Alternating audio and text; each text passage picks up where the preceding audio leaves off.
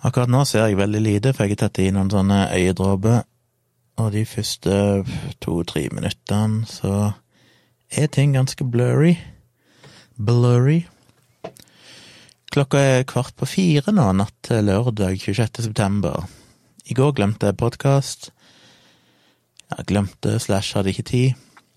Um, jeg sa jo i forrige episode at det hadde rullet ut denne oppdateringa i jobbsammenheng. En stor oppgradering. Og at jeg følte ting hadde At det var liksom en byrde av skuldrene mine.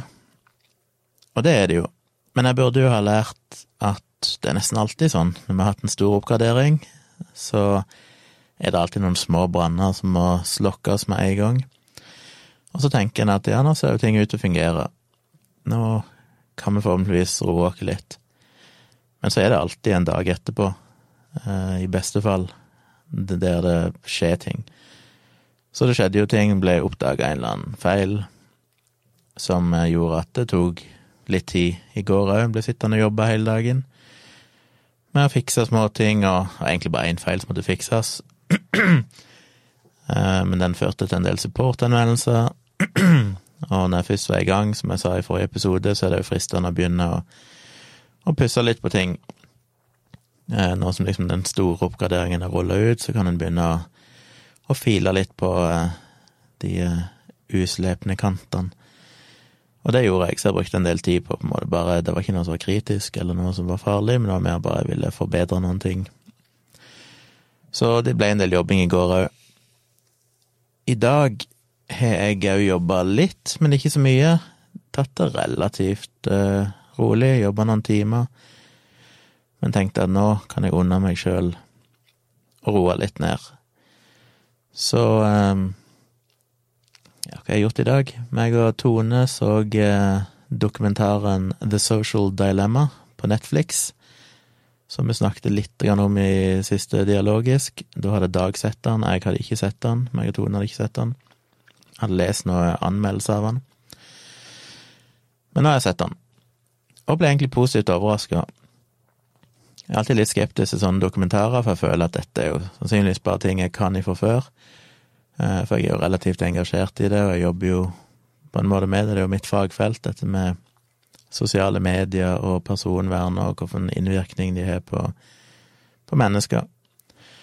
Og det jeg likte med The Social Dilemma, var at de ikke fokuserte så mye på det personvernsaspektet som egentlig er blitt diskutert i hæl. Det var ikke noe Cambridge Analytica og Facebook stjeler dataene dine og sånn. Det handla mer om de psykologiske effektene av sosiale medier, hvordan de er designa for å okkupere mest mulig av tida di, og trekke deg inn og ta over kontrollen. Og jeg syns det var noen fine analogier i dokumentaren som var ganske tankevekkende det ene var han ene duden, husker ikke hvem han var eller hva han hette, men uh, han snakket på en måte om menneskeheten som at uh, all den i gåseøyne kunstig intelligensen, det er jo en slags kunstig intelligens, uh, maskinlæringsalgoritmer og sånn, som jobber for alle disse sosiale mediene for å hele tiden prøve å lære seg hvordan de skal få engasjert hver person bedre og bedre, servere deg de rette bildene på Instagram og de rette postene på Facebook for å, å få deg til å bli der lenge og engasjere deg. De er jo egentlig designa for å manipulere oss, for å manipulere deg og meg, eh, og påvirke oss til å utføre handlinger eller endre meninger, eller Og det er ofte det folk kjøper, de som annonserer og sånn. De vil jo ikke bare at du skal se produktet deres, men de er jo interessert i å det er mange som er interessert i å betale for å påvirke folk, og det har vi jo sett konkrete eksempler på, som jeg snakket om i Dialogisk tidligere, som vel også ble tatt opp i den der eh, iHuman-dokumentaren som gikk på kino her i vår, og som vel også fins på diverse strømmekanaler. Ikke Netflix, tror jeg, men på veldig mange andre strømmetjenester, så kan du se iHuman. Um, og han så nesten på det som at mennesker var som en slags ja, nevroner i en stor hjerne, på en måte, eller som bare små brikker, små datachipper som ble programmert av den kunstige intelligensen i sosiale medier til å, å gjøre det de ville. Så på en måte så er vi en litt sånn slags roboter som blir påvirka av sosiale medier, eh, til å endre hele samfunnet og endre hvordan folk oppfører seg, og det ser en jo konkrete eksempler på. Det er ikke bare spekulasjoner, men det er mye som tyder på alt ifra den økte polariseringa i politikken i USA og så vidt resten av verden og sånn, at det kan i stor grad være drevet av disse ekkokameraene vi sitter i på sosiale medier. Jeg syns det slo meg òg for første gang hvor genialt det er. Det er ikke sikkert det er så enkelt og sant, men, men tenk deg Russland og USA. Heller enn at Putin og Russland hadde gått til krig mot USA eller prøvd å angripe USA på noe vis, så brukte de heller en veldig smart taktikk. Eh, og det var rett og slett å manipulere valget i USA gjennom sosiale medier for å få Trump valgt, og dermed sørge for at han ødelegger landet innenfra. Det er jo egentlig en genial strategi. Heller enn å gå til krig, som koster mye penger, så kan du relativt billig kjøpe deg verktøy gjennom Facebook og andre sosiale medier som manipulerer menneskebefolkningen i et land til å foreta forskjellige valg. Eh, det er vi jo sett eksempler på i Asia, forskjellige steder der det har ført til masse drap og helt forferdelige ting, kriger og sånn. Men uh, i USA så har det jo ført til en president som på ingen selvs måte er fornuftig, og som på mange måter vel kan si raserer landet innenfra, sånn at eh, Putin bare kan slappe av og nyte synet. Uh, så det er jo én måte å se det på. En annen ting som slo meg, som heller ikke ble snakket om i dokumentaren, men jeg bare tenkte litt på det, og det var Vi har jo en idé om at vi har liksom alltid blitt opplært til at du på en måte manipulerer eksempel Facebook-feeden din, eller Twitter-feeden din, eller Instagram-feeden din gjennom din engagement, som ofte blir målt som klikk eller kommentarer eller likes. Og det er jo til en viss grad sant. Eh, det er fort gjort å tenke at når du sitter på Facebook, hvis du liker et eller annet, så vil det påvirke algoritmen til å gi deg mer av samme stoffet. Og det gjør det vel til en viss grad. Men jeg tror det folk glemmer ofte, er at det er jo mye mer enn bare klikk og kommentarer som blir målt. De måler jo òg hvor lenge du ser på en post. Og det er jo jeg merka, for jeg er jo ting på Jeg er veldig lite aktiv med å egentlig like ting og sånn. Jo, jeg liker jo litt på Facebook og sånn, men men er, jeg følger jo en del folk, venner med en del folk som jeg veldig ofte er uenig med. Og poster de kommer med, har jeg en tendens til å sittende og lese, fordi det irriterer meg ofte, og jeg tenker shit, det her er Ja, dette er jeg uenig i, eller dette er feil. Og jeg bruker faktisk ganske lang tid på å lese poster til folk jeg er uenig med, og de liker jeg jo ikke på noe vis, og jeg kommenterer egentlig heller aldri lenger. Men allikevel så får jeg jo veldig mye av de postene i feeden min og det er jo fordi Facebook, i det øyeblikket jeg scroller en post i, inn i skjermbildet mitt, så vil det gå en timer som timer hvor lenge, lang tid jeg bruker på å lese den posten. Samme på Instagram. Hvis det kommer et bilde som du sitter og ser på lenge, selv om ikke du liker det, kanskje det er noen du er forelska i, eller eksen din du stalker, så vil du ikke like den, for det vil jo gi et synlig signal om at du har sett posten og kan virke litt creepy.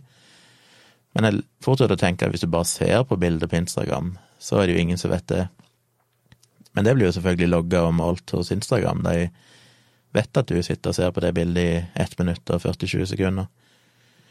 Og dermed så er det logga som en slags like i systemet, og du vil få mer av det. Så det er nå det ene aspektet. Men det andre aspektet at, som egentlig slo meg, det var Så egentlig er vel kanskje den der eh, hele funksjonaliteten med å gi likes selv om det opprinnelig ble designa og utvikla kanskje med positive hensikter, som en mulighet for å gi positiv feedback til folk, at det i dag i mye større grad er en slags placeboeffekt. At du føler at du har kontrollen ved å kunne velge hva du liker og hva du kommenterer.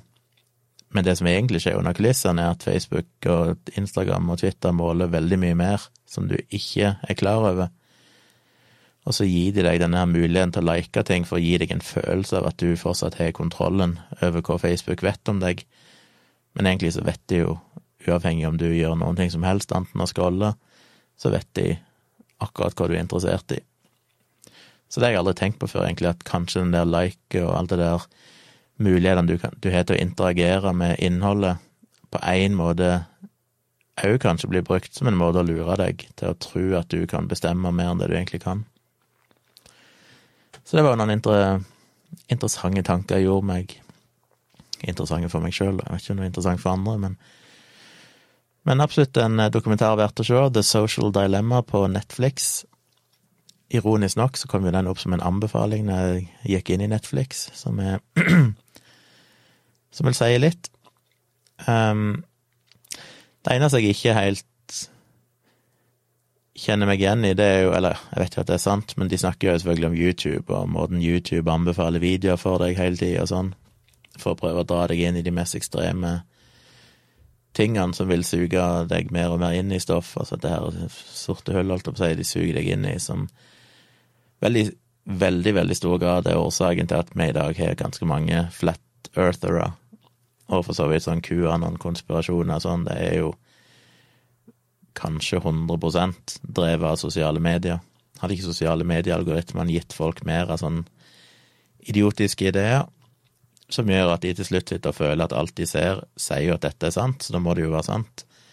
Og her er det jo så mange mennesker som i disse videoene, i disse artiklene, som er enige med meg, som ser ut til å ha doktorgrader og diverse ting, og de ser veldig lite kritisk informasjon. Og da får du fort ideen om at dette her må være sant. Og det viktige å huske er jo at det samme gjelder jo alle. Det er jo ting jeg tenker at dette her er jo så åpenbart Kanskje i stor grad fordi det er stort sett den informasjonen jeg får lest. Nå håper jeg jo at jeg er selvfølgelig ikke upåvirkelig, alle blir påvirka av reklame og alt mulig, uansett hvor kritiske vi er til det.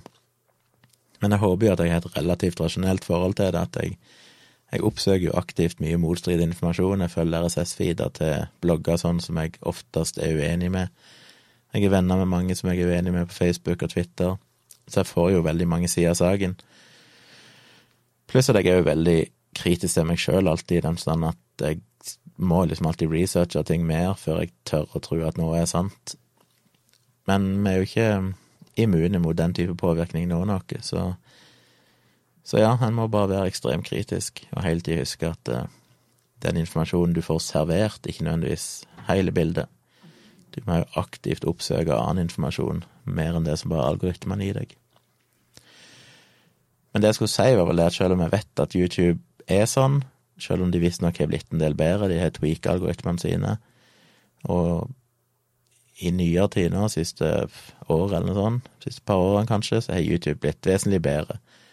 Og jeg vet iallfall at sånn Flat Earth-videoer sånn får vesentlig færre views nå enn det de gjorde før, fordi at Facebook aktivt sørger for at ikke sånne videoer om alt fra pandemi eller covid-19-konspirasjoner til 5G-konspirasjoner til flatjordkonspirasjoner bli spredd på den måten som de ble tidligere med algoritmene deres.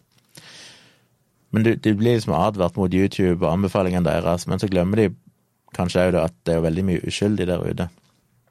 Når jeg sitter og ser på kameravideoer, fotovideoer, og blir anbefalt nye fotografer å se, så føles jo det ikke så veldig farlig. Det er jo på en måte en god effekt av algoritmen, Det er jo det jeg ønsker. Jeg ønsker jo å få servert informasjon om fotografi og sånn som jeg interesserer meg for, som jeg ellers ikke ville funnet, fordi at jeg var på en måte ny i feltet for for et halvt, halvannet år siden og visste jo ikke hvem jeg burde følge og sånn, og så, så hjelper jo YouTube deg med det veldig fort.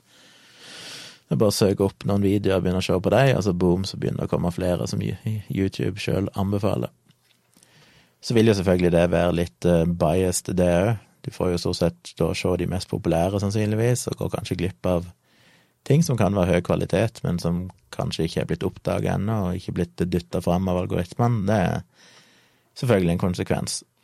Men eh, jeg får ikke snakke om de økonomiske kreftene, altså videoer som er sponsa av en eller annen mektig aktør, vil sannsynligvis kunne betale for å betale mer for annonsene som er i den videoen, og da vil jo sannsynligvis YouTube promotere den videoen hardere enn de promoterer andre typer videoer som de får mindre betalt for som gjør at en blir jo påvirka sånn sett, rent kommersielt. Men det er ganske uskyldig sammenligna med å få å bli dratt inn i høyreekstreme eller QAnon eller flatjord og sånne konspirasjoner. Så algoritme er jo ikke bare en negativ ting. Og det er jo en ting jeg ser folk si at ja, de bruker ikke Google lenger, de bruker en eller annen søkemotor som ikke logger noen ting. Og det har jeg òg prøvd, det finnes flere alternativer nå for tida. Søkemotorer som når du søker, så er du på en måte helt nøytral. De vet ingenting om deg fra før, og da får du på en måte nøytrale søkeresultater. Google vil jo gi deg mer av det de vet at du liker, sånn at du igjen da har en tendens til å søkeresultater som i stor grad bekrefter det du allerede tror, med mindre du går inn i Ja, det skal jo hjelpe å gå inn i sånn inkognito-modus og sånn. Eh, det er jo på ingen selvs måte sikkert, men det er mulig at Google på en måte respekterer det akkurat når det gjelder søkemotorer. Du er jo på ingen selvs måte anonym eller usporbar, selv om du bruker inkognito-modus i nettleseren. Da må det mye hardere skyts til for å virkelig klare å være anonym.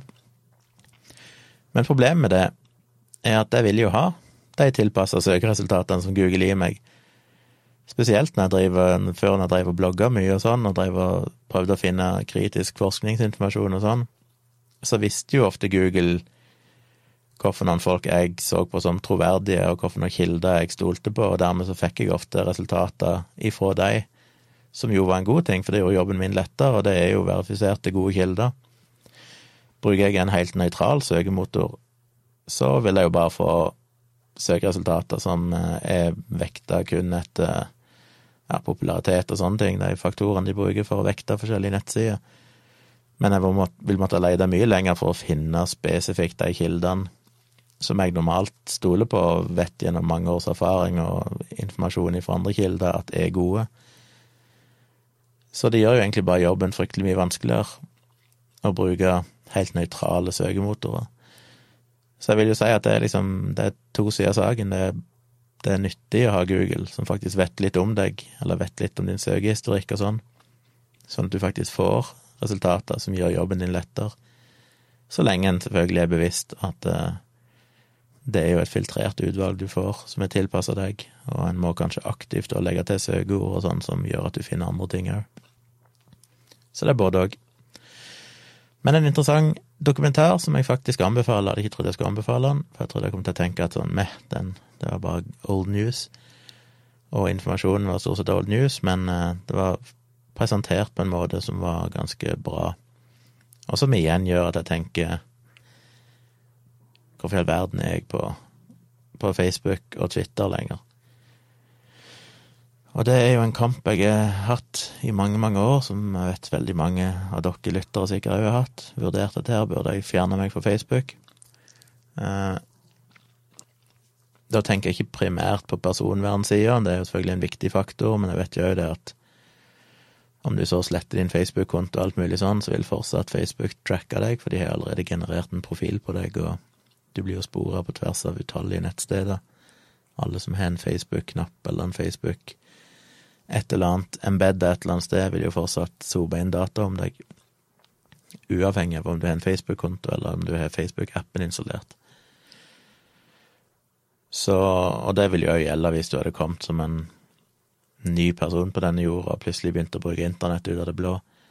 Så vil de gradvis på en måte danne en profil av deg, selv om de kanskje ikke vet hvem du er ennå. Men på et eller annet tidspunkt så vil de ha samla nok informasjon til at de basically kan finne ut hvem du er, og sette et navn og et ansikt på de dataene.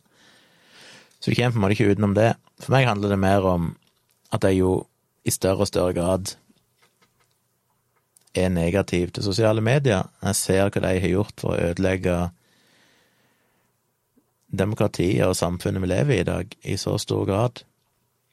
Eh, hvordan de klarer å sørge for at vi får alle disse 5G-konspirasjonene og flatjordkonspirasjonene og QAnon og sånn som egentlig ville vært helt umulig eh, tidligere, og fått det i de dimensjonene som de nå har nådd. Jeg mener, du hadde alltid grupper som trodde på rare ting før, men nå er det jo sånn at nabokoner og sykepleiere og leger og oppegående folk ofte kan kjøpe sånne teorier fordi at de blir eksponert for så mye ensidig innhold gjennom sosiale medier, og får bekrefta sine vrangforestillinger. Så jeg tror virkelig det er farlig og uheldig. Og da kan en selvfølgelig velge to veier, eh, eller tre. En kan velge å bare fortsette som før. En kan velge å fortsatt være tilgjengelig i sosiale medier, men bare begrense bruken. Kanskje slette Facebook-appen og kun gå inn på Facebook via nettleseren. Redusere aktiviteten. Bli en mer passiv konsument, på et vis. Um, som er én mulighet. Oi, eller så kan en jo slette seg helt. Og jeg heller jo i retning av å slette meg helt, fordi det bare føles som en sånn frihet. Jeg Jeg hater jo den ideen om at hvis jeg lager en YouTube-video eller skriver en post eller et eller annet sånt på bloggen, så må jeg poste det på Facebook eller poste det på Twitter eller legge ut bildene mine på Instagram for at noen skal se de. Det er jo på mange måter realiteten. Hvis ikke du er på noen sosiale medier og jeg tar et fint bilde, hvordan skal folk vite om det bildet? Men samtidig er det en del av meg som er litt sånn fuck, jeg er så lei av å jobbe for å få oppmerksomhet, jobbe for å spre budskapet mitt, jeg har litt lyst til at folk skal finne det sjøl. Og det var jo sånn i gamle dager, mener for 15 år siden jeg starta bloggen, ja, så, så hadde jeg en blogg, det var ikke noe Facebook, det var ikke noe andre ting der jeg kunne dele ting, jeg bare skrev bloggen min. Og de som var interessert, de fant den og kommenterte, og så ble det delt med andre og tipsa om andre, og så begynte flere å lese den. og Den der organiske veksten føles mye mer behagelig. Det at du har liksom min blogg, det er mitt lille hjem på internett, der jeg legger ut mine ting. Det er ikke sånn at alle må samles om én felles plattform der alle skal poste og konkurrere med hverandre. Um, og litt samme bildene. Jeg har lyst til å legge ut bildene mine på hjemmefotosida mi og så får folk finne den og like den, og så får andre eventuelt dele det hvis de syns det er bra. Men det er et eller annet befriende med å slippe tanken på at jeg skal sitte og måtte hver gang jeg har lagd noe, så må jeg liksom dele det for å få det ut til folk. Eller Patron, selvfølgelig. Det føles òg behagelig å bare kunne dele det inne på Patron. Det er liksom, Patron det er min plass. Det er jo et slags sosialt medie, det òg. Men det er et medie jeg har mye mer kontroll over. Der kan jeg legge inn mine ting til mine følgere Eh, det føles litt annerledes, selv om jo, det er annerledes. Selv om det selvfølgelig er likhetstrekk òg med Facebook og så videre. Så jeg får se. Jeg er veldig frista til bare Jeg føler ikke jeg var vekke et halvt år her for et par år siden. Så deaktiverte jeg Facebook-kontoen min i et halvt års tid. Og merka vel da at jeg ikke savna det. Og etter jeg kom tilbake, så endra bruken veldig. Jeg ble jo ekstremt mye mindre aktiv på Facebook og sånn. Så det var jo en god ting, selv om jeg endte opp med å gjenåpne kontoen min. Det negative var at du følte du mista litt den muligheten til å markedsføre deg sjøl. Det føltes som at uh, Kjetil Rollenes og enhver annen idiot som hadde noe å si, ble eksponert for alle, mens jeg på en måte bare ødela for meg sjøl ved ikke være på Facebook og sånn. Det føles som at den eneste du ødelegger for, er jo deg sjøl. Det er ingen andre som bryr seg om du er der eller ikke. Så, men det er liksom å klare Det er jo det som er det skumle med Facebook. De har jo klart å manipulere meg og de fleste til å føle at hvis ikke du er der, så går du glipp av ting. Den FOMO, fear of missing out-følelsen. Så jeg må tygge litt på det. Men jeg er i en fase igjen der jeg tenker sånn, fuck, skal jeg Og så er det det med foto, da. Jeg har jo funnet modeller på Facebook i fotografgruppe. Jeg har mulighet for å få oppdrag via Facebook. Du mister jo mye av det når du ikke er der. Men igjen, jeg har liksom lyst til at det skal bare være å ha ei nettside, og så får folk kontakta meg der på et vis. Jeg vet ikke. Det er vanskelig. Det er en jævla kamp. Så får jeg se hva jeg ender opp med. Grunnen til at klokka er blitt så mye, er fordi at jeg ble sittende og se på en uh, YouTube-dokumentar, som vel på engelsk heter The Super Comet, uh, i selve dokumentaren, mens uh, tittelen til dokumentaren i videoen, holdt jeg på å si, teksttittelen, var mye lenger. Men det er en halvannen times dokumentar som, eh, som, ble lagt ut på YouTube for fire måneder siden. Men jeg aner ikke hvor gammel dokumentaren faktisk er. Det er litt vanskelig å vurdere. Mulig han er helt ny. Eh, var relativt bra laga. Som egentlig bare tar for seg scenarioet med at jorda blir truffet av en komet tilsvarende den som eh, utrydda dinosaurene for 65 millioner år siden. Så han eh, tar først for seg det som skjer før. Det starter liksom at folk har opp... Eller forskere, har, astronomer, har oppdaga denne kometen. Vet han vil treffe jorda. Ingen vet akkurat når eller hvor ennå. De har skjøt opp en gigantisk rakett. Det de har klart å få gjort i løpet av den korte tid de hadde. De hadde 18 måneder på seg eller sånn. Eh, for å sprenge atombomber og prøve å dytte den i en annen retning. Det mislykkes. Og dermed så vet alle at den kommer til å treffe jorda, og så etter hvert så finner de ut, når den er ca. to uker vekke for å treffe jorda, så har de nok data til at de kan finne ut hvor den kommer til å treffe, når den kommer til å treffe. Så tar han for seg eh, alle scenarioene, og gjennom hele dokumentaren så er det et rom der det sitter en 28 eh, forskere på forskjellige felt, alt ifra folk som har forska på klimaeffekter av et sånt eh, sammenstøt, folk som har forska på mennesker, hvordan de fungerer sosialt, Eh, etter sånne katastrofer. til geologer som snakker om hva som skjer, til alt mulig forskjellig. Og de blir liksom intervjua underveis i dokumentaren og kommer med sine faglige innspill. Så de sier jo litt om, på en måte, hvis dette hadde skjedd, hva vil faktisk skje, både i forkant og i etterkant, når vet vi ting, hva kan vi gjøre, hvordan vil mennesker oppføre seg? En av de deprimerende tingene er jo, som de sier i dokumentaren, at selv om du for eksempel skulle evakuere en hel by, i dette tilfellet så måtte du evakuert et helt land, der som kometen treffer, som vil være praktisk alt umulig. Men om du så skulle bare evakuere en by, så sier de at vi har jo veldig gode planer for å gjøre det. Så teoretisk sett så har vi en veldig god plan for å kunne evakuere en relativt stor by effektivt. Problemet er jo bare at det aldri funker, fordi mennesker er egoistiske idioter. Det vil være folk som prøver seg å ikke følge planene, som strider imot. Det vil være folk som krasjer med biler, sperrer veier. Folk vil begynne å slåss. Folk vil begynne å forlate biler i veiene sånn at de blir sperra, for de finner de skal gjøre noe annet plutselig, og tenker bare på seg sjøl. Det er som er deprimerende. Det er litt sånn det føles som en pandemisituasjon òg. Og kanskje enda verre hvis det hadde kommet en enda mer alvorlig pandemi. Dette her med at hvis alle bare hadde hørt på forskere og vitenskapsmenn, og den beste kunnskapen vi har, og handla i tråd med liksom rasjonell viten, så kunne vi klart dere temmelig bra.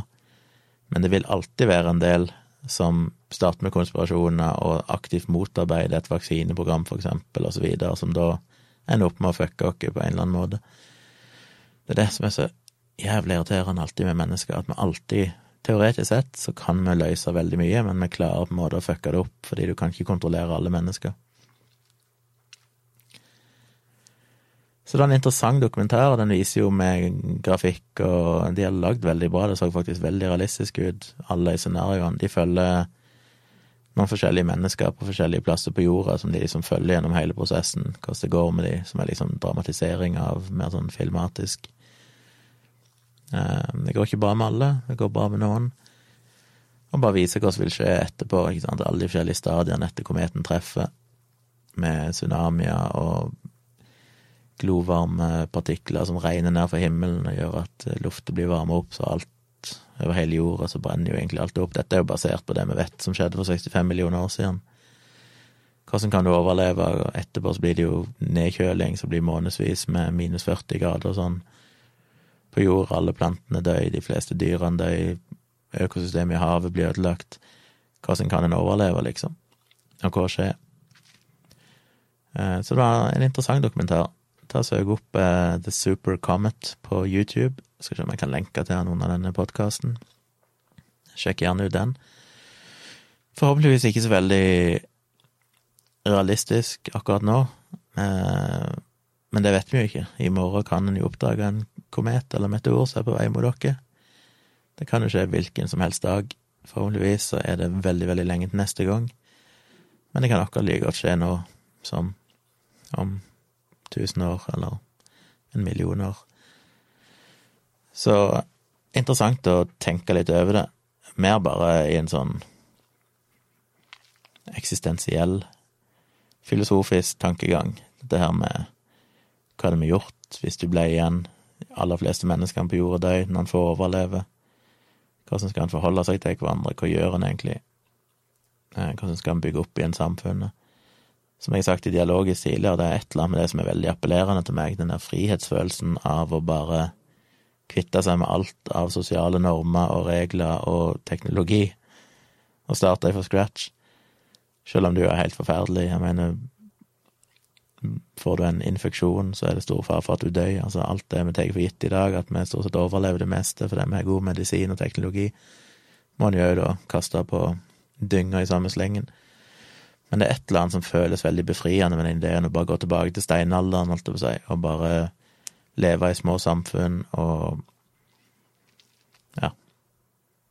Problemet er at det fort, iallfall i en periode, vil være den sterkestes rett. Det vil være mye vold, det vil være folk som De som kan slåss om å overleve, eh, som ikke er spesielt behagelig.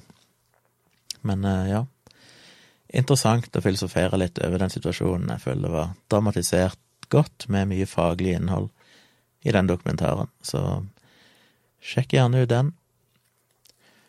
Eh, jeg følte hva jeg skulle si. Jo, jeg snakket jo både dialogisk og i denne podkasten om at når jeg var på Svalbard, så var det ikke noe room service på hotellrommet mitt. Det er to personer som har tatt kontakt i ettertid, og sagt at eh, det er visstnok ikke så mye room service på hotellene nå i pandemisituasjonen. De vasker stort sett bare ut rommene mellom gjester, men ikke mens gjestene er der, på grunn av smittevernhensyn. Og det gir jo mening. Eh, begge de som er tipsa meg om det, sa at de òg syntes samtidig at det var veldig rart at de ikke var blitt informert om det. Og det ble jeg ikke. Jeg så heller ingen informasjon om det på hotellrommet noe sted. Resepsjonisten sa ingenting, så de gjorde kanskje en dårlig jobb med å informere. Men uh, at det kan være grunnen til at jeg ikke fikk noe room service i løpet av de tre-fire dagene jeg var der, det er nok en sannsynlig forklaring. Så det var godt å få oppklart det. En annen ting så jeg fikk melding av Tone, for hun hørte en episode her. For ja, det var den første episoden etter at jeg var på Svalbard, så sa jeg et eller annet om at det lakk i dusjen. Den slangen i dusjen, den lakk vann. Jeg har prøvd å komme på ordet for der, er der slangen er festa inn i den dingsen der du regulerer varmen og trykket på vannet. Eh, som jeg ikke kom på ordet, men hun sendte meg en melding, så skrev hun bare 'blandebatteri'. Og så skjønte jeg med en gang hvor hun refererte til. ah, ja, det var det i podkasten min, jo. Men blandebatteri heter det vel. Merkelig nok. Um, så ja. Det er lørdag når jeg våkner opp, så skal jeg prøve å bruke hele dagen på endelig få redigert bilder, omsider. Jeg ble jo tipsa av um, den godeste um, Jesus, hva er han heter? Halvor Harsem, som noen av dere kjenner kanskje fra YouTube, og er vel en eh, semi-B-kjendis i Norge. Halvor Harsem, som òg var en figur i denne Scandinavian dokumentar Scandinavian Star-dokumentaren, fordi han mista jo faktisk mor si på Scandinavian Star. Uh, han, uh, ja, han var jo på Scandinavian Star, men han var baby, men han overlevde jo da. Han sendte meg en melding og tipsa meg om en video på Facebook av en dude som kommer med sine tre beste argumenter for hvorfor det er mest fornuftig å tro at Gud finnes, og at Bibelen er sann, og sånne ting. Og det var en interessant video som jeg tenkte at det er jo en perfekt video å reacte på, for den varte bare noen få minutter, og er jo ting jeg har diskutert ifra ja, seint 90-tallet og fram til i dag, i over 20 år.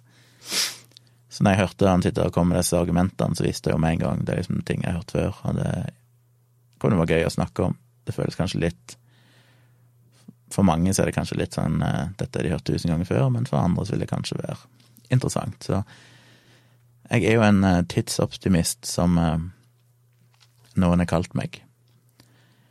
Og jeg har jo sagt det mange ganger før i denne podkasten, at denne helgen skal jeg gjøre sånn og sånn og sånn, og så flyger jo tida, får ikke gjort noen ting. Jeg tenker at jeg skal både re re rekke å redigere bilder og kanskje lage en YouTube-video. Realiteten så rekker jeg sikkert ikke mer enn å redigere bilder, i beste fall. Men jeg har forberedt den YouTube-videoen som med så mye annet. Jeg, mens jeg så den, så noterte jeg alle ting jeg kom på underveis. Så jeg har ei lang liste med ting jeg kan gjøre, så det skal det ikke så mye til å få lagd videoen. I tillegg så skal jeg ha en fotoshoot på søndag. Ble kontakta av en podkastlytter av Dialogisk som eh, spurte om jeg kunne tenke meg å ta noen bilder av eh, dama hans, eller kona hans, jeg er ikke sikker på hva hun er. Um, hun eh, skal starte et firma og trengte noen bilder til markedsføring og sånn. Så det sa jeg ja til. Litt fordi han duden som spurte meg, har gjort noen holdt å si, gjort en tjeneste for dialogisk tidligere, så jeg følte at jeg må stille opp. Um, pluss at det er veldig bra for meg å, å få nye bilder til portfolioen min som er litt uh, varierte, ikke bare én type bilder. Så det skal jeg gjøre. Jeg skal ikke bruke altfor lang tid på det, for jeg kan ikke bruke for mye tid. Jeg tjener jo ingenting på det, men, men kanskje bruke en time eller to på søndag og så få tatt noen bilder av henne, og forhåpentligvis levere noen bilder til henne som hun blir fornøyd med. Det er jo god markedsføring når, når hun oppgir fotografen i uh, de sammenhengene hun bruker bildene. Så det er søndagsplanen, og så blir det vel samboerprat på kvelden for første gang på et par uker. Er det noe mer jeg må si da? Ikke annet enn at jeg er om eh, omstrukturert mobilen. Um, på iPhone siste versjon, IOS 14, som kom for ei ukes tid siden, så kan du nå ha sånne widgets på skjermen. Så jeg tok meg bryet til å slette faktisk mange titalls apper som jeg har hatt i mange år. Den type apper som jeg liksom alltid sparer på, fordi jeg tenker at jævlig kjekk å ha den appen hvis jeg en dag skulle komme i en situasjon der jeg trenger den. Men jeg måtte vel innrømme for meg sjøl at uh, når det er apper jeg ikke har brukt på mange år, men bare har det just in case, så trenger jeg det jo egentlig ikke. Og kan heller laste de ned på nytt hvis jeg en dag skulle trenge de. Så jeg sletta en shitload mapper og fikk rydda opp mye, og fikk putte inn noen widgets. Og jeg har ommøblert hele telefonen min, så får jeg se om jeg blir fornøyd med det, om jeg klarer å leve med det. Det er ganske annerledes enn det jeg er vant med over mange år. Og så er det drittvær ute, selv om jeg vil kalle det koselig vær. Det regner, og det blåser. Som er Det er høst, det er ikke noe annet å si enn det. Det er virkelig høst, som jeg jo egentlig liker, syns er koselig. Så jeg ser litt fram til å sitte i morgen og forhåpentligvis redigere bilder mens jeg hører på podkast, og det stormer ute. Det tror jeg kan bli riktig så koselig. Ja, og det blir som sagt ikke noe høstferietur til Tonstad sånn hele neste uke, så jeg egentlig er helt åpen. Så det var min eh, episode for i kveld. Litt lengre enn vanlig. Men jeg eh, hadde jo noen ting på hjertet. Så ja, jeg håper jeg får uh, dytta ut noe nytt innhold snart. Nå som jobbsituasjonen forhåpentligvis roer seg bitte grann. Etter mange, mange uker med stress. Så får vi se hvordan det går. Så igjen, takk for at dere fortsatt støtter meg på Patron. Hvis det er noen som savner noe, uh, så er det bare å spørre hvis dere vil ha et eller annet jeg burde gjøre, noe jeg burde skrive om, lage video om, svare på her i podkasten. Kjør på. Jeg setter veldig pris på innspill og tips, som dere vet godt. Så tusen takk for at dere støtter meg. Det betyr veldig, veldig mye. Det er et, eh, et godt skritt på veien til å faktisk kunne vie mer tid til dette i framtida. Og ikke minst takk for at dere hører på podkasten. Og jeg vil jo selvfølgelig ha flere patrons, så jeg blir veldig glad hvis dere tipser andre om det. Så lenge jeg har hatt Patron nå, som nærmer seg Jeg begynte vel i slutten av mars, eller sånn, jo ikke det? Eller tidlig april? April, mai, juni, juli, august, september. Jeg har hatt det i et halvt år nå. I løpet av det halve året tror jeg jeg har sett én som har delt uh, tips på Facebook, der de skrev uh, oppfordrer andre folk til å følge med på Patron. Så det er veldig hyggelig. Det setter veldig pris på om dere gjør. Trenger selvfølgelig ikke se det, men om dere gjør det i de kanalene dere er, så betyr det mye. Så spre gjerne ordet hvis dere syns det er verdt det, for jo flere som støtter meg, jo mer muligheter har jeg til å få lagd noe mer skeptisk innhold og sånne som jeg har lyst til. Da kan jeg kanskje kjøpe meg fri og ha litt mer timer til det hver uke.